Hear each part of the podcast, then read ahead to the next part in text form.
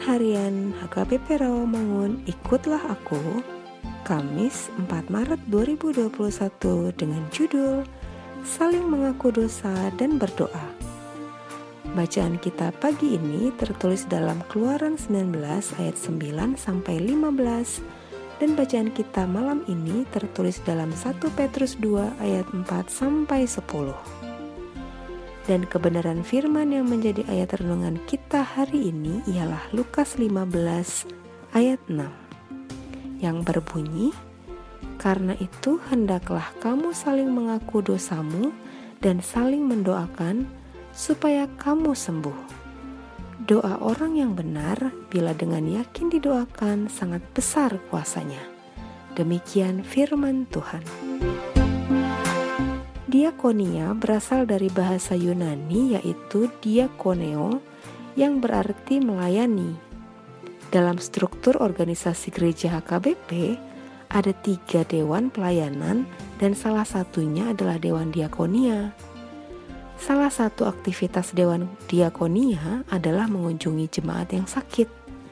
Dalam kunjungan itu, mereka mendoakan, menghibur, dan menguatkan si sakit akan adanya pengharapan dalam nama Tuhan Yesus akan kesembuhannya. Tertulis dalam Yakobus 5 ayat 15. Ayat renungan hari ini sangat membuka pandangan kita orang beriman akan doa yang menyembuhkan. Doa itu bukan berdiri sendiri, tetapi juga harus disertai oleh pengakuan dosa pengakuan dosa menjadi faktor yang penting dan kadang terlupakan dalam persiapan kita dalam melayani dan mengunjungi orang sakit.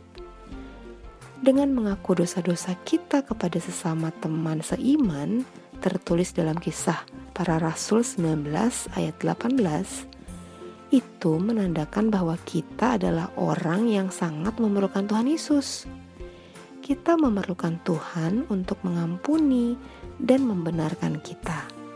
Kita memerlukan proses penyaliban itu di mana Tuhan mati untuk menghapus dosa-dosa kita. Kita mengalami kasih Tuhan yang mengorbankan dirinya untuk menyelamatkan dan membenarkan kita. Sehingga doa orang yang benar bila dengan yakin didoakan sangat besar kuasanya. Mari kita bergabung dengan Dewan Diakonia Mari kita saling mengaku dosa dan memohon ampun. Mari kita saling mendoakan dan mengalami penyembuhan dari Tuhan. Mari kita berdoa. Tuhan Yesus, kami bersyukur karena Tuhan amat baik mau menghapus dosa kami. Amin.